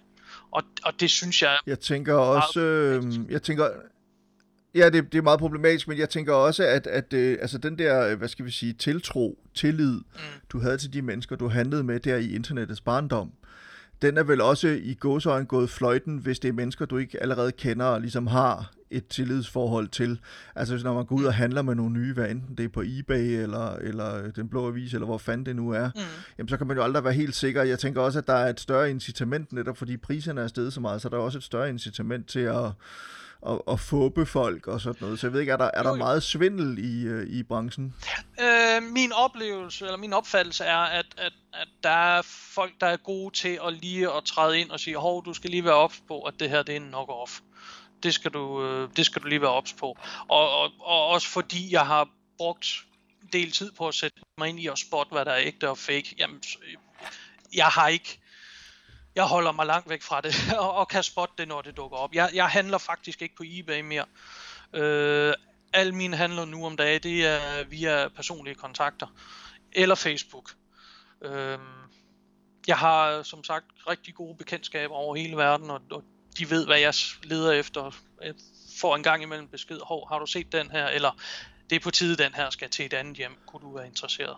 Altså, det, det er sådan nogle ting, og jeg en af mine mål er at få en komplet europæisk Generation 1 collection. Øh, og jeg mangler otte figurer, og det har jeg gjort i 10 år. og det er ikke fordi, nej, men det er sjovt, at det er ikke fordi, det er specielt sjældne eller svære figurer at finde. Det er bare den der milepæl af at kunne sige, jamen nu er jeg færdig med det. Jeg er måske lidt nervøs for, hvad jeg så skal finde på, hvis du kan følge mig. For nu, nu er den jo komplet. Hvad gør jeg så? Jeg kan, præcis, jeg kan, du kan tro, jeg kan følge dig, fordi det er jo, jeg har, jeg har flere gange her i podcasten sammenlignet samlere med hajer, mm. at i det øjeblik, man går i stå og ikke længere har noget at jagte efter, så, øh, øh, så dør man. Ja, altså, øh, øh, og, og det er også derfor, jeg samler på tilpas mange forskellige ting selv til, at selvom jeg bliver komplet med noget, så ved jeg, at jeg kan fortsætte i nogle andre retninger, men mm. du har fuldstændig ret, og jeg, jeg, jeg tror, det er... Øh, Altså det der med, som du siger, jamen så kan det være, at du en gang om året, så får du en af de otte figurer, så har du i hvert fald otte år endnu, ikke, før du er, er komplet. Men, men, men der er nemlig noget af det der i, altså den der jagten, og, og det at mm. lede efter noget, og, og stadigvæk at have noget, altså det er jo hele processen, og det er vejen derhen. Yes det handler om. Jeg så en, øh, der er en TED-talk, jeg godt kan lide at se nogle gange med Adam Savage. Jeg ved ikke, om du jo, ved, hvem jo, han er, jo. men øh, ham fra Mythbusters i gamle dage, som også er, er sådan en maker. Han laver alle mulige sjove ting, og han laver rep, øh, hvad hedder det, efterligninger, rep, replikager. Og han ved rigtig meget om populær kultur og sådan nogle ting. Det... Han ved rigtig meget om populær kultur og laver replikas af, af, af props, altså af rekvisitter for film og sådan nogle ting. Og der er sådan en TED-talk, hvor han snakker blandt andet om at lave, øh, altså hvor han, hvordan han modellerede et, et, et skelet af en, en, en dodo-fugl, øh, men også hvor han øh, lavede sin egen malteserfalk, eller sin egen ridderfalk fra oh. filmen Ridderfalken med, med Humphrey Bogart ja. fra 41 John Hustons øh, debutfilm. Ja. Og der fortæller han om det der med, hvor svært det var for ham at nå hen til der, hvor han var 100% tilfreds med den her figur, det er han faktisk ikke helt endnu. Og som han så siger til allersidst, og som jo også er noget af det altså virkelig godt sagt og klogt sagt, at det var i virkeligheden ikke det at nå i mål med den fuldendte kopi af Ridderfalken. Det handler om, det handler om vejen derhen. Yes, det, ej, det er så godt sagt. Jamen lige præcis. Jeg og, kunne ikke være mere enig. Det, det, er, det er rejsen derhen, det er, det er turen, det er oplevelsen. Jamen det er, det er så godt sagt. Fedt prøv at fortælle mig lidt, øh, det kan være, jeg skal huske, jeg, jeg kan lige sige, jeg vil prøve at se, om jeg kan finde et link til den der video, så kan jeg lægge det ind i, øh, i, i noterne til, til det her afsnit af, øh, af samlerne. Men øh, Martin, prøv lige at fortælle mig, hvad for en slags samler er du? Altså udover at nu, nu har du ligesom besluttet for, at du vil have de her figurer, som er altså generation 1, mm. europæiske figurer og sådan noget. Men fortæl mig lidt mere om, om din samling. Altså, øh, er, den, har, har du, er, er det sådan en, du registrerer? Og, altså, det, jeg har fornemmelsen af, at du må næsten have nogle lister over og arkiver over, hvad du har og hvad du ikke, og hvad du mangler og sådan nogle ting. Men jeg kunne også godt tænke mig at vide, om, om den står fremme, så du kan gå og, og se på den og tage på den, om jeg så må sige. øh, eller hvordan, hvad for en slags samler er du? På den måde, hvad det angår? Jamen, jeg, jeg har lister. Jeg har, øh, som, som jeg nævnte tidligere, jeg, jeg kom desværre til at falde lidt af på den for nogle år siden, så, så den, min, min liste har desværre et stort hul. Men jeg katalogiserer alt, hvad jeg får ind, og får det registreret, så jeg kan se, jamen det er den variation, og ja, så kan jeg sætte et flueben ud for det. Og eller lige hurtigt slå op, jamen har jeg den her i forvejen, fordi vi er ude i, at jeg ikke kan huske, hvad jeg har. Så, så jeg er næsten nødt til at have, have lister, for, for at kunne holde styr på det. Øhm, Transformers er jo både små figurer, men det er også store figurer, og især hvis man har dem med indpakning, så kan de også godt gå hen og fylde rigtig meget. Øhm, jeg har... Øh, jeg har nok klap 1000 stående i mit soveværelse, fordi der var altså plads, og det er mit rum at regere over. Jeg har en 50 stykker stående i stuen til pyt, fordi det vil jeg have. Men så har jeg altså også et boks i et rum, der er fyldt med, med figurer, jeg desværre ikke kan, kan, kan nyde så tit og så ofte, fordi plads er godt nok øh, en udfordring, hvad det her angår. Altså jeg har, jeg har, der er en lille stuk i mit soveværelse, der kan der kan stå et par flyttekasser med figurer, men ellers jeg har hylder, og jeg har hylder over det hele. Ja, det, der er lidt meget, og, og, og selvom det, det, det, det sårer mit samlerhjerte, så er jeg også nogle gange nødt til at være lidt realistisk og sige, okay, er der noget, jeg kan sælge fra, fordi ellers så drukner jeg. men øh, ja, og... Ja, men det, det er jo sådan den, den evige udfordring, tror jeg, for de mm. fleste samlere. Det er netop det der med pladsen. Hvad fanden skal man gøre ved det? Og ja. jeg tænker også, hvordan... Øh, fortæl mig lidt, altså... Nu ved jeg ikke, hvordan samlermiljøet ser ud i Aalborg, men... men øh, hvordan, øh, hvordan dine omgivelser har de det med det? Fordi altså, en ting er... Altså, det er jo noget det, man også finder ud af, når man samler. Der er nogle ting, man samler på, så synes folk, det er helt normalt og, ja. og acceptabelt. For eksempel bøger og til en vis grad også tegneserier. Mm. Når man så begynder at fortælle, at man, at man samler på Lego-figurer eller Lego-sæt, som jeg gør, uden at pakke dem op. Mm. Øhm, øh, eller hvad fanden det nu måtte være. Ikke? Altså, jeg har jo stadig jeg har omkring 4.500 film stående på Blu-ray, på DVD og, og Laserdisc det har både noget at gøre med, at ellers kan jeg ikke gøre mit arbejde som, som, som filmkritiker mm. og filmjournalist, men det har også noget at gøre med, at jeg synes, det er fedt at have de ting stående, mm. så jeg altid kan se det, jeg har lyst til, hvis jeg ikke kan finde det derude på nettet, og det er fandme ofte, jeg ikke kan det. Ja. Især når det er de, de lidt ældre og lidt mere specielle ting, og ikke nødvendigvis øh, engelsksprogede ting. Så, så hvordan, øh, hvordan øh, øh, er, altså hvad skal vi sige, hvordan, hvordan har du, øh, hvordan har din omverden taget imod, lad os formulere det på den måde, taget imod den her samler, lad os bare kalde det en samlermani, fordi det, det, er, det, det. er jo det er jo sådan den, den, det, det, det, den grimme måde, eller lad os kalde det det milde vanvid, det synes jeg synes faktisk, det lyder pænere end samlermani. Men, men hvordan har din omverden taget imod det her? Jamen, det, det, det er faktisk ikke så mange, der ved det, at, at jeg egentlig samler. Altså, på, på den led er jeg lidt en privat person. Uh, jeg er lidt bange for, gåseøjne at, at blive stemplet som ham Transformers fætteren i sådan blandt, hvad skal man sige, mine, mine, mine private og mine professionelle kontakter, sådan rent arbejdsmæssigt. Fordi ja, så er man stemplet som det, og, og jeg har oplevet før med andre ting, at hvis man først er stemplet som en ting, så er der nogen, der har svært ved at se bort fra det, og, og fokus bliver ligesom på det, når det egentlig bør være noget andet. Men, men sådan historisk set, at jeg kan huske i min, min studieår, det har jo så været i omkring år 2000, der gik jeg meget stille med dørene om det. Det var kun meget få, der vidste, og meget få, der fik lov til at komme hjem og se, hvad jeg rent faktisk havde. Men, men de fleste synes, det var okay. Nu om dagen, der har jeg ikke så meget imod, at folk ved det, og hvad, hvad folk synes, det må de sådan set selv om. Øhm, det er en del af mig. Det, det er den, jeg er, det er det, jeg gør. Og det betyder jo ikke, at jeg er en anden person af den grund nødvendigvis. Øh, jeg tror, nu, Men... dem der så også har vidst det, har jo så vidst det i et par årtier efterhånden, så jeg tror, de har vendt sig til det. Men jeg tror også, det er, jamen det er, det er jo meget interessant, fordi det er jo også, jeg tror også, det er blevet mere acceptabelt inden for de seneste 10-15 år. Absolut. Netop at samle på det, vi kan kalde populære kulturelle artefakter, eller legetøj, hvad fanden vi nu skal kalde det. Ikke? Men der er jo stadig mennesker, der, der synes, man er lidt mærkelig og sådan noget. Jeg forstår det egentlig ikke, fordi det er jo ikke, altså igen, jeg ved godt, jeg gentager mig selv i forhold til mange af de andre afsnit, jeg har lavet af, af podcasten her, men altså for fanden, det er jo bare det, man i gamle dage kaldte en hobby. Få dig en hobby. Og at, at, at vi så går op i det, og, og, og måske er lidt mere enøjet, eller lidt mere fokuseret og dedikeret i forhold til nogle ting. Mm. Jamen altså, det, hvad fanden har det med noget at gøre? Altså, det, det, det minder mig bare om, om alle de der, i, jeg kan huske min barndom øh, ude med mine bedsteforældre. Jeg er født i, i Silkeborg, og til dels opvokset i Silkeborg. Mine forældre boede lige uden for byen, og der var øh, i en lille øh, forstad landsby, der hed Resenbro, og der var en mand ved siden af, han samlede på gamle biler, som han så restaurerede og, og solgte videre og sådan nogle ting. Eller og så er der folk, der i, i gamle dage, så, solgte man, så samlede man på juleplatter, eller på julepynt, eller man samlede på kongelige porcelænsfigurer.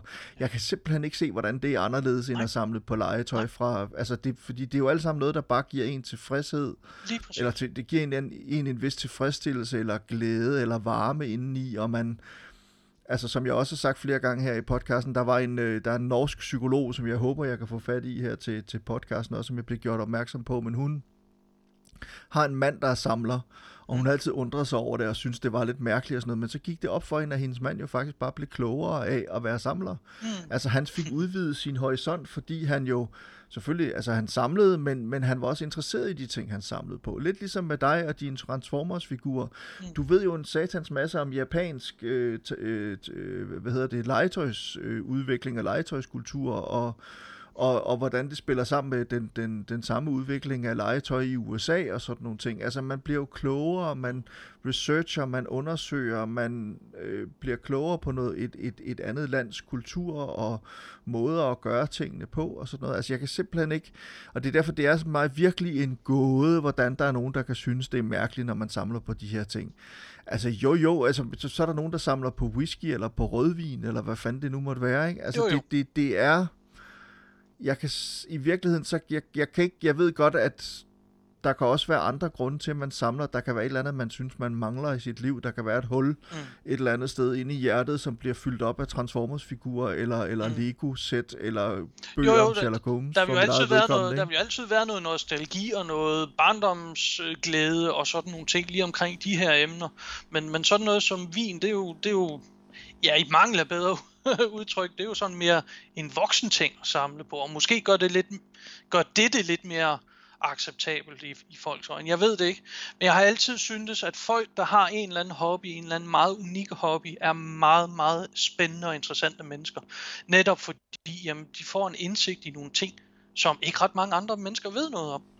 Og det synes jeg er rigtig, rigtig spændende, og det er også sådan noget, der gør, at jeg synes, det er rigtig spændende at snakke med dig, og snakke med andre samlere af andre ting, og, og, og små, små glimt af information, som måske er relevant, eller kan, jeg kan koble til noget af det, jeg ved, og som måske giver et større perspektiv. Altså, ja, det er en hobby, og der er bestemt ikke noget galt i at have en hobby. Og jo mere eksotisk næsten, jamen, jo, jo mere spændende, synes jeg i hvert fald. Ja, men fuldstændig. Og, og så er der også bare det, man finder ud af, altså med, med, med folk, der samler, at vi kan samle på alle mulige forskellige ting. Det kunne være juleplatter, det kunne være sko, det kunne være tøj, det kan være øh, ure, Ja. det kan være øh, biler, det kan være Transformers-figurer, det kan være Sherlock Holmes-bøger. Det er de samme mekanismer, der går igen. Det er de samme præcis. overvejelser, vi har. Det handler om, hvor får man fat i tingene, hvad er det for nogle ting, man får fat i. Man bliver mere og mere bevidst omkring, hvad det er for, for en retning, man gerne vil gå, inden, gå i inden for det, man samler på, og hvor man skal få fat i det. Man begynder, som du selv siger, man får et netværk af personer, man, man, man, øh, man samarbejder med og, og holder hinanden informeret og hjælper hinanden. Man får gode venner. Mm. Øh, altså på den måde, det, det, på, så, så, så i virkeligheden så finder man ud af, at samlere er jo et folkefærd i sig selv. Ja. Ja. Altså, og, der er, og, og, og det, er de samme, det er de samme udfordringer, det er de samme overvejelser også omkring økonomi, og, og som du lige sagde før omkring det med pladsen. Mm. Der er også overvejelser, som jeg har snakket med en del om nu, det der med, hvad fanden skal der ske med den her samling, når jeg ikke er her længere? Mm. Skal den så sælges? Skal den mine børn overtage den? Skal jeg forsøge at vinde Eurolotto, så jeg kan lave mit eget museum? øh, Den er også god, ja. Altså alle sådan nogle ting, ikke? Altså, ja. Ja. så, så, øh, så vi er slet ikke så forskellige. Og så er det netop fuldstændig, som du siger, hver gang man snakker med andre altså samlere, som samler på andre ting, så bliver man, altså så finder man ud af, øh, altså bliver man klogere på, noget, på, på et helt andet område. Men jeg synes i virkeligheden, så handler det om det der med, jo mere længere man dykker ned i detaljen, på områder, man ikke umiddelbart troede, man interesserede sig for, jo mere bliver man jo, finder man jo ud af, hvor spændende det er. Mm. Absolut, absolut.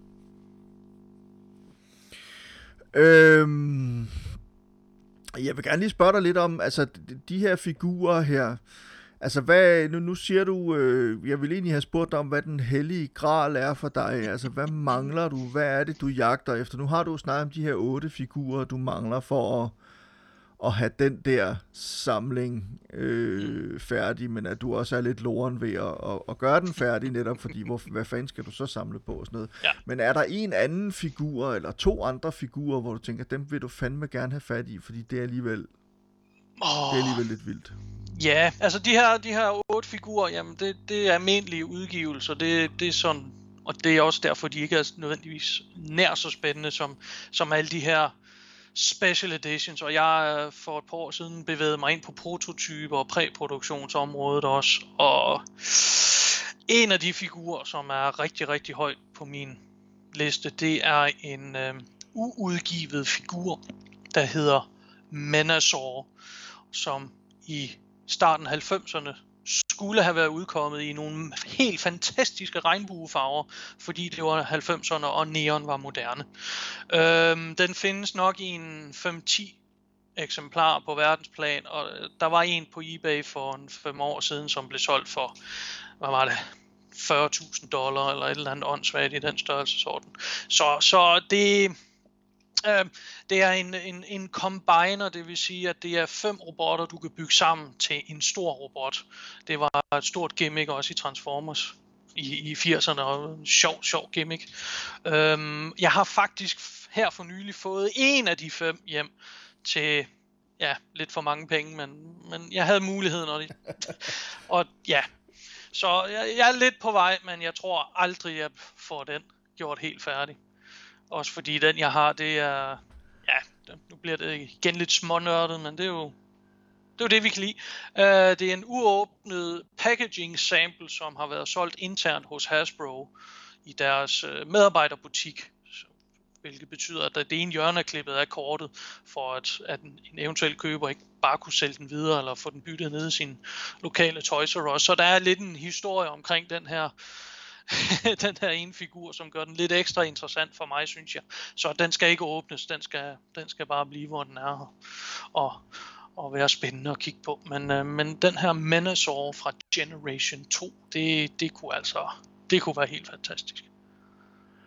Men det er jo også, det er jo også en ægte hellig gral, så kan man sige, i og med, at den er noget nær uopnåelig, men alligevel, altså der er jo selvfølgelig altid, selvfølgelig kan det lade sig gøre. Mm. Nogle gange så handler det jo selvfølgelig, det handler, så, så handler det om penge, ikke, kan man Ja. sige. Jo, jo, lige men, præcis. men, men, men det er stadig, altså du ved, det, den, den, den er svær opnåelig og sådan noget, så det er jo altid, og på den måde er det jo altid godt at have noget at stræbe efter, kan man sige, altså et, et, et mål at gå efter på den måde. Det synes jeg også er, det, det er der sgu også et eller andet smukt i, på en eller anden måde, at man, sådan, mm. man har den her drøm, ikke?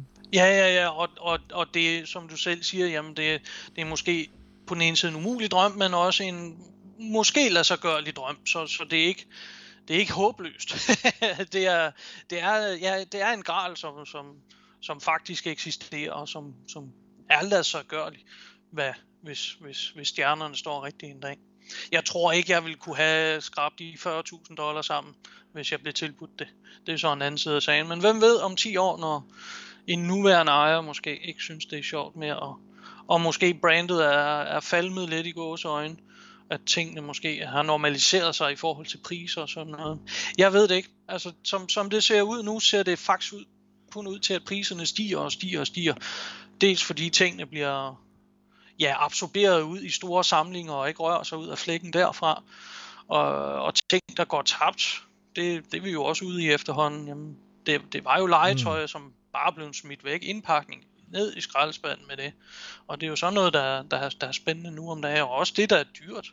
Uh, indpakningen kan faktisk godt være dyrere end, end selve figuren. Men, men ja, det er nok ikke kun i Transformers, at, at det er sådan, det er. Nej, sådan er det jo over hele linjen, også med Lego for eksempel og sådan noget. Det lyder jo lidt absurd, ikke? Og det er jo nærmest øh, counterintuitivt Ja. på en eller anden måde, at, at indpakningen skulle være penge værd. Men det er jo sådan, det er også, når man er samler, så man gerne have noget, der er så... Altså apropos bøger, Mm. man vil gerne have en første udgave, man vil også gerne have en første udgave med smudsomslag, og det smudsomslag må altså gerne være pænt. Lige Så- præcis. det er jo sådan en, en, en, en, en meget fin analogi, synes jeg, altså at, at, at, at det, det, er også, det handler også om indpakningen, kan man Mm. sige. Mm. I hvert fald, hvis man er samler. Ja, for nogle samlere, altså der, ja, for nogle samlere, der er også nogle, de, de er ganske tilfredse med, jamen, jeg vil have de første tre årgange i okay stand, så jeg kan have dem på min hylde. Det er jo også, det er jo også en samling, og der er nogle, nogle veldefinerede mål for, jamen, sådan skal min samling være. Og fuld respekt for det. Min, er, min samling er sådan lidt, også i øst og vest. Jeg har nogle figurer i original indpakning, nogle har jeg ikke, nogle er i god stand, nogle er ikke i god stand. Øhm, altså, det kan være det er mit næste mål, hvis jeg engang kommer i mål med, med mit primære mål, jamen så skal jeg opgradere til, til figurer i indpakning og første udgaver og alt sådan noget der. Altså, men altså, jeg har, jeg har stadig masser af områder at, at, nørkel nørkle rundt i. Altså alt mit arkeologiske arbejde, det bliver ved. Jeg får fat i øh, uh, tøjfærdkataloger, jeg får fat i præproduktionsmateriale til, til kataloger og indpakning. Jeg snakker med folk over hele verden, og øh, ja, prototyper, det fik jeg vist sagt et par gange. Øh, så, så der er stadig nok at rive i. det er ikke det. Hvad hedder det? Øh, prøv at fortælle mig, altså, nu ved jeg ikke om, det er ikke fordi, vi behøver at snakke om penge, men, men hvad er, er der noget i din samling, som du er, og det tænker jeg, der er, men hvis du skulle nævne én ting i din samling, som bare er, det her, det er, det er fandme the shit, om jeg så må sige. Det er den ene ting, som alle andre Transformers samlere misunder dig, eller mange Transformers samlere misunder dig. Øh, jeg har en enkelt ting, som jeg faktisk ikke har fortalt ret mange mennesker om endnu, så det her det er en verdenspremiere. Øhm, Uha, jeg bliver, helt, jeg bliver sgu helt spændt. Ja, ja, ja, nej, men der skal jo også være nogle nyheder. Øhm, nej, øh, jeg har øh, for nylig fået fat i en konceptmodel af en Optimus Prime, nok den største, mest kendte figur i, i hele franchiset, som øh, aldrig er blevet udgivet. Altså en prototype, som ikke blev til noget. Og der er jo fokus samler derude på Optimus Prime, som ville gå i baglås, fordi ingen vidste, den her eksisterede overhovedet, før en, en kontakt tilbød mig. Øh, jeg ved ikke lige helt, hvad det her er, men jeg tror, det er en transformer. Jeg fik det af en, en designer direkte. Har du, øh, kunne det være noget for dig? Ja tak, ja tak, ja tak, ja tak. Meget gerne, mange tak. Så, øh, så den er jeg meget, meget glad for, og jeg tror også, jeg har, jeg har en, en lille hjemmeside, hvor jeg sådan poster mine, mine, mine findings. Når jeg på et tidspunkt vælger at offentliggøre den her, så tror jeg, der bliver meget opmærksomhed omkring på det. Og det jeg håber, der er nogen, synes, det vil være spændende. Fortæl mig lige, hvad hedder den hjemmeside? Øh, det er faktisk en side ude på Facebook, og den hedder Ja. TF Vault. TF V-A-U-L-T. Det kan være, at vi kan lave et link. Lægge et link. Ja, Ja. ja, men det synes jeg bestemt, vi skal gøre. Men altså, ellers er det facebook.com-tfvolt. Lige præcis, lige præcis. Og der, Super. jeg laver dyk ned på enkelte ting og skriver lige lidt historie omkring, hvad, hvad det er, vi ser her, og hvor det kommer fra, og hvad tanken var og sådan noget. Og, og nogle gange er der også bare en pæn figur, fordi jeg synes, de er flotte.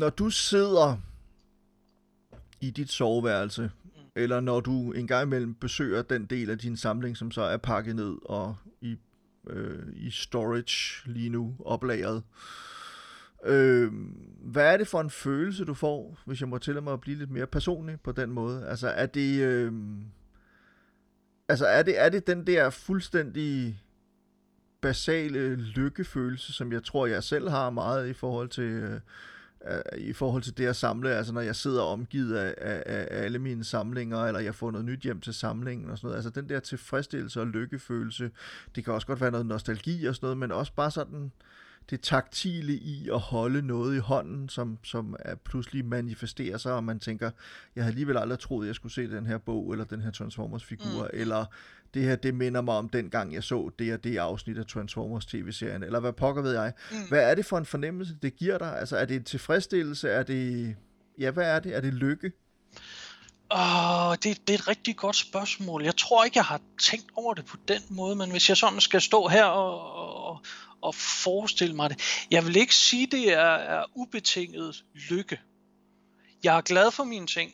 Endelig ikke misforstå mig. Jeg er glad for, at, at jeg står med den her ting, og jeg tror mere, det er, er nostalgien omkring den her ene ting. Altså det, for mig er Transformers meget en fysisk ting, altså det er figurerne, det er ikke nær så meget historikken og, og, og altså in fiction historien. Det, det, det, det er figuren og dens historie som sådan, altså den fysiske figur. Øh, og, og jeg bliver glad af at kunne se, når ja, jeg har jo den her i fransk indpakning, som jeg fik via en god kammerat i Finland. Altså der, det, det, det, det begynder mere at være tingens egen historie, så at sige. Og der kan jeg godt blive glad over, nå ja, der var jo den her. Altså der er måske mere nostalgi over det, når det endelig skal være. Jeg håber, det giver mening. Fordi det, det, jeg har... Jo, men det gør det bestemt. Yes, yes, Men, men det må ja. også, altså, øh, øh, øh, nå, jeg, jeg tænker også, at, at altså, for mig, for eksempel, altså vi har snakket med andre om, så er det der med at samle, det er også noget, der giver orden i kaos på en eller anden måde. Altså det Ja. giver det der med at få, få noget hjem, som jeg har let efter, eller pludselig få noget på plads på en liste. Mm. For eksempel det der med at lave en liste over ting, jeg mangler i min samling. Det er også sådan noget, der giver orden på en eller anden måde. Så føler jeg ligesom, at tingene, jeg, du ved, jeg har styr på tingene. Ja, der, jeg der, har er en ro, på- der er en ro over det, og, og, og det, er en, det, det er noget, man som individ selv har kontrol over. Altså, og det er jo vel også Præcis. det, som, som gør, at, at sådan noget som at have en hobby giver ro for folk, fordi det er et, I mangler bedre udtryk, et univers, man selv er herre over. På Netop vis, i, en- ikke? i en verden, Ja. ja, i en verden, som man overhovedet ikke kan styre. Altså. Lige præcis, lige præcis. Hmm. Ja, det er en god, øh, god tanke. Der, har- der har jeg ikke selv været endnu. Tankemæssigt, ja. ja men fedt, fedt. Øh, Martin, her til sidst, så vil jeg øh, lige spørge, igen stille spørgsmål, som, øh, som jeg har stillet mange andre samlere øh, her i podcasten, men det er altså, hvis man nu er ny Transformers-samler, altså man har gået lidt som katten om den varme grød, og været lidt fascineret af det her univers, og de her figurer og sådan nogle ting, og nu beslutter man sig for, at nu vil man kaste sig ud i det. Ja. Hvordan, øh, hvordan skal man gribe det an? Har du nogle gode råd til en nybegynder? Øh, jamen, jeg, for det første vil jeg sige, find ud af, hvad for en æra du vil samle på. Øh, typisk vil folk gerne have 80'erne figurer, men alt efter ens alder, jamen det kan også være figurer fra 90'erne, eller fra 0'erne, eller fra filmæraen. Der er faktisk nogle rigtig spændende figurer der imellem. Så, så find ud af, hvad det egentlig er, du vil, fordi du kan ikke få alt. Der er, ja, nu sagde jeg 6-7.000 figurer. Der er måske 10, som, fordi der er en 3.000, der er kommet i Limited Chrome Edition i Japan i to eksemplarer. Altså, afgræns, hvad du egentlig gerne vil til at starte med. Og lav din research. Nu nævnte jeg de her kinesiske piratkopier. Det er så ærgerligt at bruge en masse penge på de ting, og så finde ud af, at den er faktisk ikke ægte alligevel. Og det kan være øh, en, en ret farlig faldgruppe, fordi det er det eneste, du finder på eBay stort set. Og her er en Optimus Prime til 35 dollar. Det kan ikke passe. Det må være, det må være en fejl. Jeg må skynde mig at slå til, inden der er nogen andre, der opdager det. Men det, ja, altså hvis, hvis tilbuddet er for godt til at være sandt, så er det det typisk også. Så, så lav din research og, og, og find ud af, hvad det er præcis, du vil have, fordi ja, du kan drukne øh, vidderligt i øh, genudgivelser, officielle og limited editions og alt det der. Start simpelt. Og, og så start simpelt.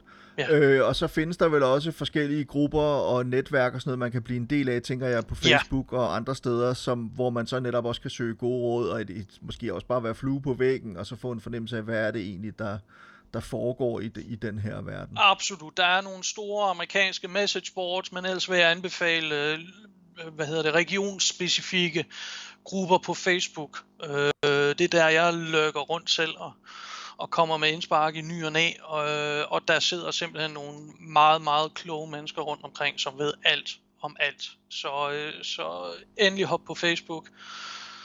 Ja, folk vil, som hovedregel har Transformers fans altid været utrolig hjælpsomme. Altid glad for at dele øh, viden ud og, og pege folk i den rigtige retning. Så, så, så kig derinde. Det er kun godt. Ja. Ja. Super. Og ellers, øh, og ellers kommer- kontakt mig. Ja. jeg hjælper også gerne. Og jeg kommer til at, som sagt, at lægge nogle links ud i, øh, i show notes, øh, sådan at man øh, kan klikke sig videre derfra, og så blandt andet komme ind på din øh, Facebook-side, øh, og, og se lidt om, hvad det er, når du poster noget nyt, og hvad du har postet i det hele taget, hvad du har i din samling og sådan noget. Yes. Øh, Martin Lund, tusind tak, fordi du ville være med i Samlerne. Jo, mange tak, og tak fordi, at øh, jeg måtte komme forbi og, og, og snakke lidt. Det var dejligt. det var en stor fornøjelse, var det det, og jeg er også selv blevet meget klogere på, på hele det her Transformers-univers. Det er sgu meget spændende at høre om, og igen, altså det der med, at man finder ud af, at selvom vi samler på meget forskellige ting, så er vi sgu i virkeligheden ikke så forskellige som samlere i hvert fald. Øhm, og så vil jeg gerne sige tak til alle jer derude, som øh, lytter med. Det er, øh, som jeg har sagt et par gange nu, det er en stor fornøjelse at lave podcasten. Det er en stor fornøjelse, at der er nogen, der lytter med. Det er en stor fornøjelse også at få noget feedback. Altså skriv endelig til mig på, øh, på Facebook eller på Twitter. Øh, jeg hedder vist bare Mongård begge steder. Øh, M-O-N-G-G-A-A-R-D muligvis Christian Mongård med CH øh, på, øh, på Facebook, det kan jeg sgu ikke helt huske. Find mig, I kan sikkert sagtens finde mig. Det er sikkert også den måde, I overhovedet er blevet opmærksom på den her øh, podcast øh, i det hele taget. Men altså, send mig gerne jeres reaktioner og spørgsmål og forslag til andre samlere, jeg kan snakke med. Og skulle I have lyst til at gå ind der, hvor I nogle gange lytter til podcasts, for eksempel Apple Podcasts, iTunes, og give mig nogle stjerner og en lille anmeldelse, så vil jeg blive utrolig glad for det. Det hjælper andre mennesker med at, at, at, øh, at finde den her podcast. Øh, og alt under fem stjerner er fuldstændig uacceptabelt, det kan jeg lige så godt sige, som det er. Øh, så bliver jeg meget ked af det, og det gør Martin også. Og øh, med de ord, så vil jeg igen bare sige tak for nu, og vi hører snart ved igen. Hej hej.